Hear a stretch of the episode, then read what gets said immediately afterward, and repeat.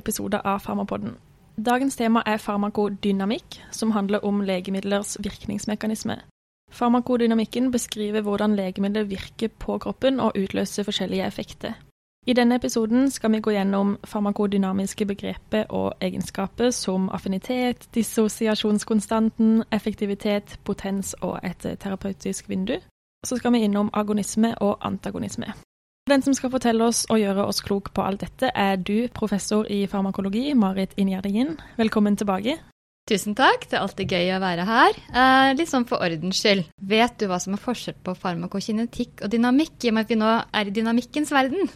Ja, det er jo fort gjort å blande litt på dette. Men jeg liker å tenke på farmakokinetikk, som vi snakka om i forrige episode, er på en måte hvordan kroppen prosesserer legemiddelet, mens farmakodynamikken handler om hvordan legemiddelet virker på cellene og kroppen. Kan det stemme? Det stemmer. Veldig bra. Da har du fulgt med. Så bra. Eh, men først lurer jeg på, hvis farmakodynamikk er hvordan legemiddelet virker på kroppen, er det da sånn at alle legemidler virker likt på alle mennesker?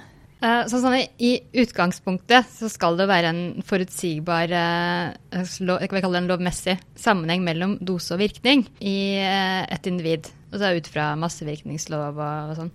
Men det er jo, vi vet at det er store individuelle variasjoner mellom oss mennesker. Og det kan være det i ett menneske òg, i løpet av et år og i løpet av et liv.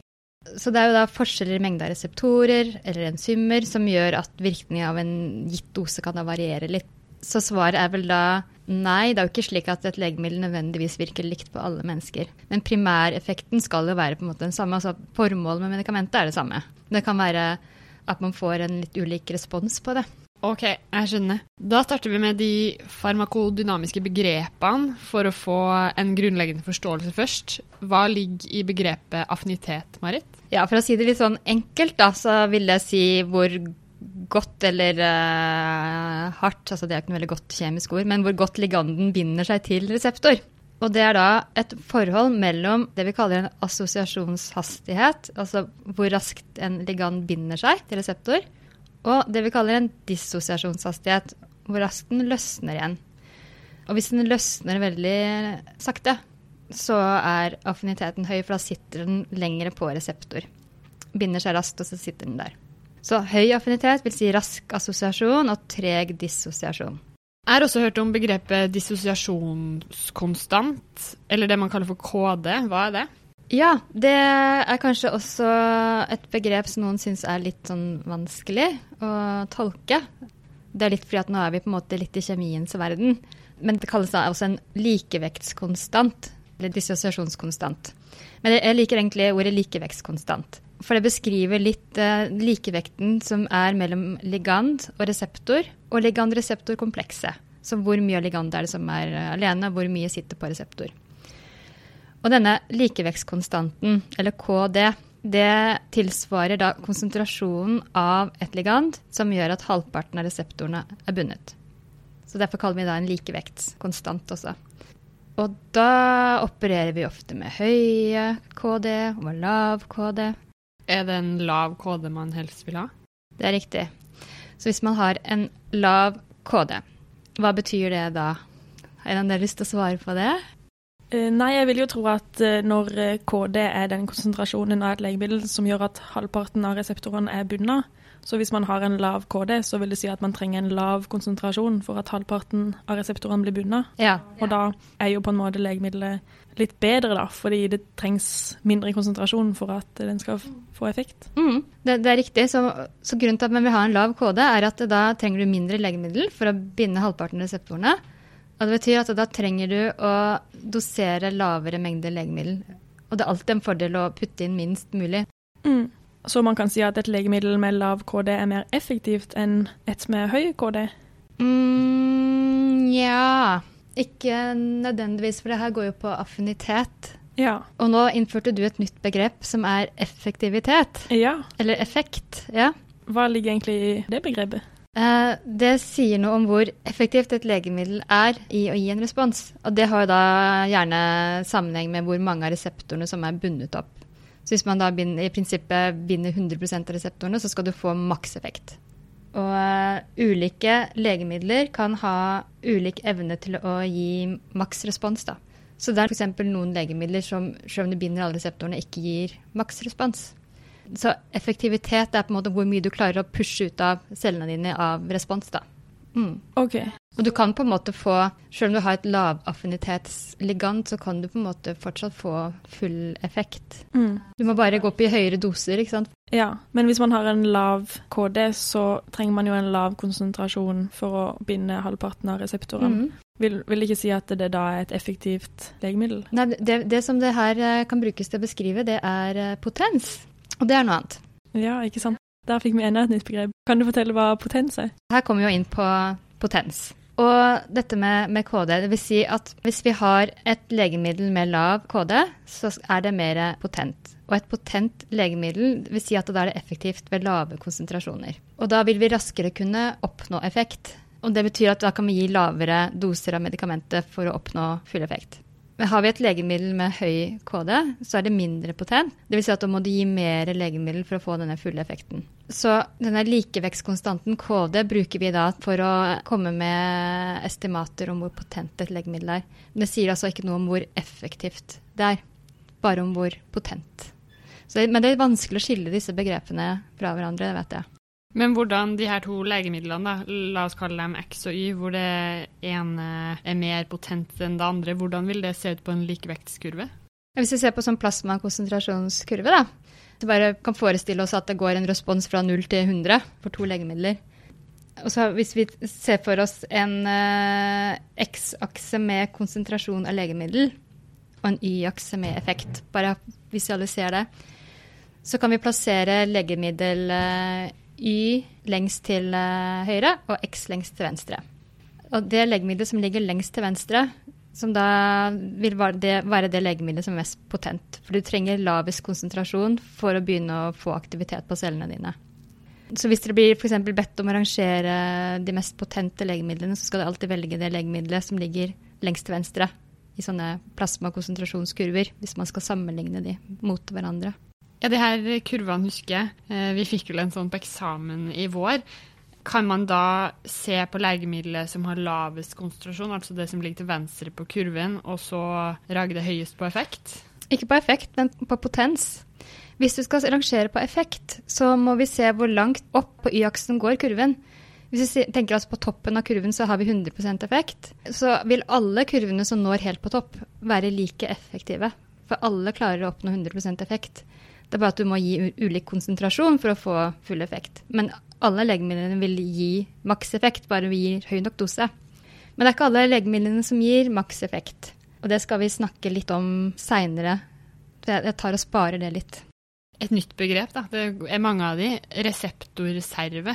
Hva vil det si? Ja, det er bra du tok opp det. Så det er en situasjon som antagelig er ganske normal.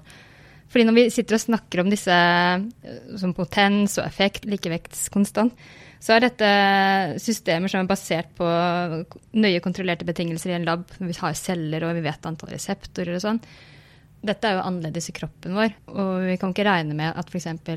100 av reseptorene våre blir bundet for å få en effekt.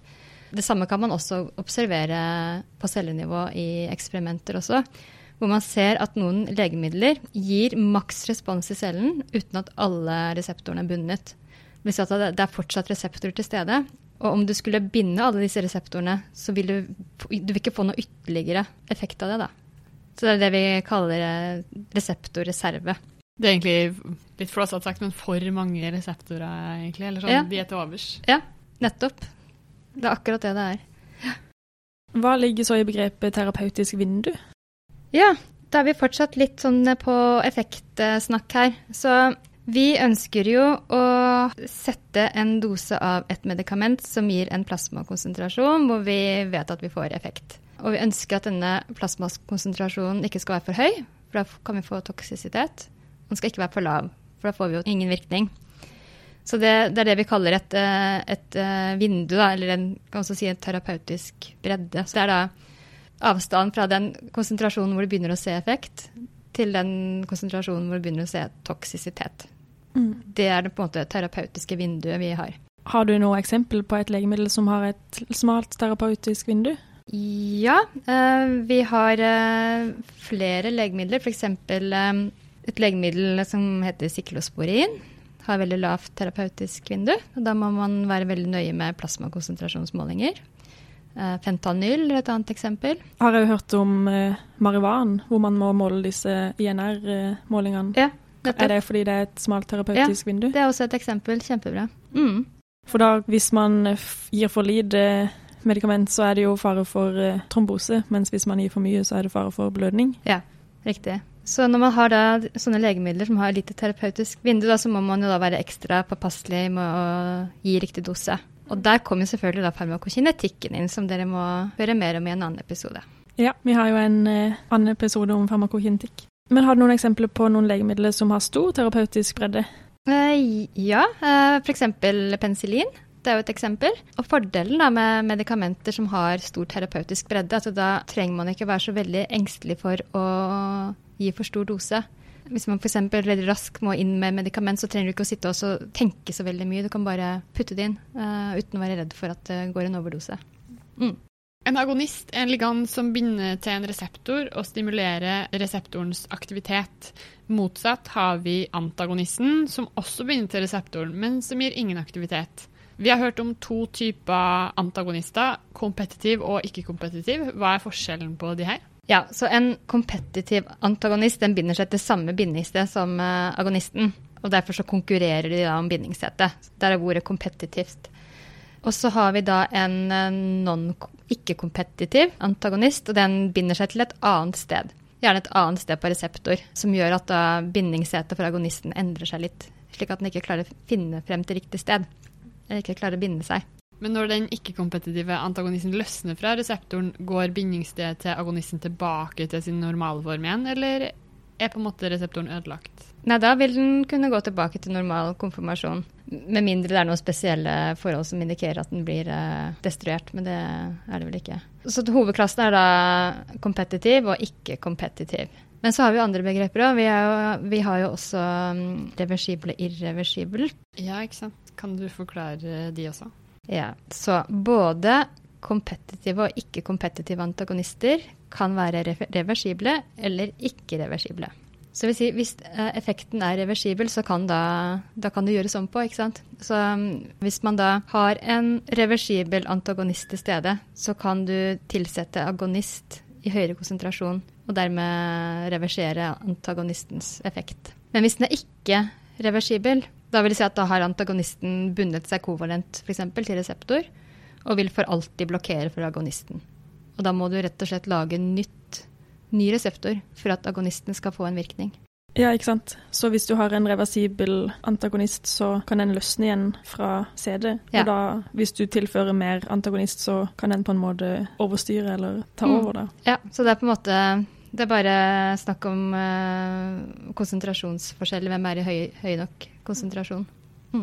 Det finnes altså både kompetitiv og ikke-kompetitive antagonister i reversibel og irreversibel form, eller? Ja, riktig. Men når det gjelder legemidler, da, så er de eh, er vel legemidlene som er antagonister, de er reversible. Altså enten kompetitive eller non-kompetitive form, men de er alle rever- reversible. Jeg kommer ikke på noen eksempler som er av eh, antagonister, som er legemidler, som er irreversible. Og grunnen til det er vel at det er litt upraktisk. Fordelen med reversible antagonister, er at da kan du på en måte fjerne virkningen igjen. Men hva med acetylsalicylsyre? Er ikke det en irreversibel antagonist? Det var bra du spør om det, fordi det er det mange som lurer på, og det er det jo faktisk ikke. Fordi det er jo en, eh, det er medikament som hemmer et enzym. Så det hemmer enzymaktivitet. Acetylsalicylsyre er jo irreversibel, eh, så det er jo helt riktig. Og jeg vet jo det at eh, når den først hemmer COX-1-enzymet i blodplatene, så sitter den der helt til eh, blodplaten dør, og det må lages nye. Så det vil si at effekten varer opp til ti dager. Nå var det her en liten digresjon, men, men siden vi er på antagonister, da, så fins det en antagonist av acetylsalicylsyre som hemmer effekten av acetylsalicylsyre. Og det er NSAIDs. For de kan eh, komme inn i COX-1-enzymet og blokkere for acetylsalicylsyre. Så da fikk vi oppklart den. Det var kjekt å få oppklart. En reversibel antagonist vil jo, som du sa, kunne binde og løsne fra reseptoren hele tida. Kan man øke dosen av en agonist for å konkurrere ut antagonisten for høyere effekt? Eh, kanskje ikke for å få høyere effekt, men du kan konkurrere ut antagonisten for å gjenopprette effekten. Da sier vi takk til antagonisten for en liten stund og vender oss over til agonisten. Hva vil si at en agonist er partiell? Ja, så til nå så har vi egentlig forholdt oss til at uh, alle agonistene gir maksimal respons. Og det er det vi kaller fulle agonister. Det er agonister som pusher systemet til maks. Men så er det jo ikke alle medikamenter eller agonister som gjør det, og de kaller vi partielle. Uh, og det vil si at selv om de binder 100% av reseptorene, så vil ikke cellene respondere på maks. Så det er en delrespons, da. Ok, men hva er den praktiske nytten av det? Eh, det er veldig eh, nyttig i flere sammenhenger. F.eks. hvis du ikke vil ha full effekt og er sikker på at du når et tak, så er det en fordel å bruke en partiell agonist. Du kan også bruke en partiell agonist eh, som en slags antagonist. Nå begynner det å bli litt sånn krøkkete i huet. Men hvis vi har situasjoner hvor vi har en overdose, da, f.eks. av morfin, da kan man gå inn med en eh, partiell uh, opioidagonist, f.eks. buprenorfin, som har et mye lavere effekttak. og Den vil da kunne konkurrere ut morfin, og så får du satt ned responsen i kroppen. Uh, så den senker da effekten i kroppen, fordi den er en partiell agonist og har sitt effektnivå på et lavere plan. Men det, det blir på en måte en slags antagonistisk virkning, for du senker jo responsen i systemet ditt. Mm. Men det er en agonist allikevel. Så uansett hvor høy konsentrasjon du gir, så vil det aldri nå makseffekt? Det er riktig. Eh, Fins det òg partielle antagonister, eller blir en partiell antagonist tilsvarende en partiell agonist? Ja, det er jo et veldig godt spørsmål. Jeg mener jo helt bestemt at det ikke finnes partielle antagonister. Men dette er det faktisk litt uenighet om sånn definisjonsmessig blant farmakologer. Jeg mener jo at en antagonist skal defineres ut fra at den uh, hindrer reseptoraktivitet, og at selve definisjonen på en antagonist er at den ikke skal gi noen effekt. Og hvis det er definisjonen, så da, da er det på en måte alt eller ingenting, da. Og da tenker jeg at uh, ut fra den definisjonen så finnes det kun én type antagonist, og det er på en måte en full antagonist, da. Mm, jeg skjønner.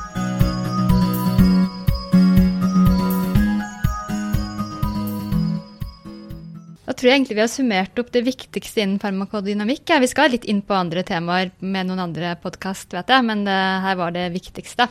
Så Malin og Cecilie, er dere klar for eksamen, da? I farmakodynamikk? Vi kan jo prøve. Enig. Jeg kan eh, godt begynne, da. Altså, som eksamensoppgaven sier gjerne med egne ord, så jeg får prøve. Så får du mm, se om det blir riktig. Vi var jo først og definerte hva er egentlig farmakodynamikk, og da var vi vel enige om at det er hvordan et legemiddel virker på kroppen, altså effekten legemiddelet får når det binder til de ulike reseptorene eh, vi har i kroppen. Og alle mennesker har forskjellige mengder reseptorer og enzymer, sånn at samme dose og samme legemiddel vil virke eh, litt forskjellig, ha ulik effekt eh, fra individ til individ. Affinitet, KD, potens og effektivitet. Affinitet vil si hvor godt en ligand binder til reseptoren. Høy affinitet vil si raskt assosiasjon. Det binder raskt. Og treg dissosiasjon vil si at den løsner langsomt. KD det er konsentrasjonen av et legemiddel som gjør at halvparten av reseptorene har bundet legemiddelet. Jo lavere KD, desto mer potent er legemiddelet ved lavere konsentrasjoner. Jo lavere konsentrasjoner av legemiddelet vi trenger å bruke, desto mindre risiko har vi for bivirkninger. Et legemiddel kan gi ulik grad av effekt. Dette er uavhengig av potens. Effektiviteten avhenger av hvor god signaleringa fra reseptoren er. Det er viktig å skille fra potens, som beskriver hvor godt legemiddelet binder til reseptoren. Potens henger sammen med kode og affinitet, og er uavhengig av den videre signaleringa og effekten. Jo lavere kode, desto bedre affinitet, og dermed høyere potens. En agonist er en ligand som binder til en reseptor og stimulerer reseptorens aktivitet. Motsatt har vi antagonisten, som òg binder reseptoren, men gir ingen effekt. En kompetitiv antagonist binder samme sted som agonisten, mens en ikke-kompetitiv antagonist binder et annet sted på reseptoren enn agonisten og endrer det aktive stedet på reseptoren, sånn at agonisten ikke lenger kan binde. Og en kompetitiv og ikke-kompetitiv antagonist kan være både reversibel, dvs. Si at han binder og løsner reseptor om hverandre slik at agonisten kan binde innimellom, eller en irreversibel antagonist, og da vil antall reseptorer reduseres permanent. En partiell agonist binder reseptor på samme måte som en agonist, men gir kun effekt på noen av reseptorene og ingen effekt på andre. Den vil derfor aldri kunne nå den maksimale oppnåelige effekten, uansett hvor høy konsentrasjon eller dose som brukes. Det er f.eks. buprenorfin mot morfinoverdose. Tusen takk til deg, Marit, for alt du har lært oss i dag òg. Du kommer tilbake igjen og snakker mer om interaksjoner. Og dersom du som hører på har spørsmål til Marit eller til oss, eller har noen tilbakemeldinger, så er det bare å sende mail til farmapodden.alfakrøllgmail.com. Vi finnes òg på Facebook og Instagram. Takk for at du lytta. Ha det. Ha det.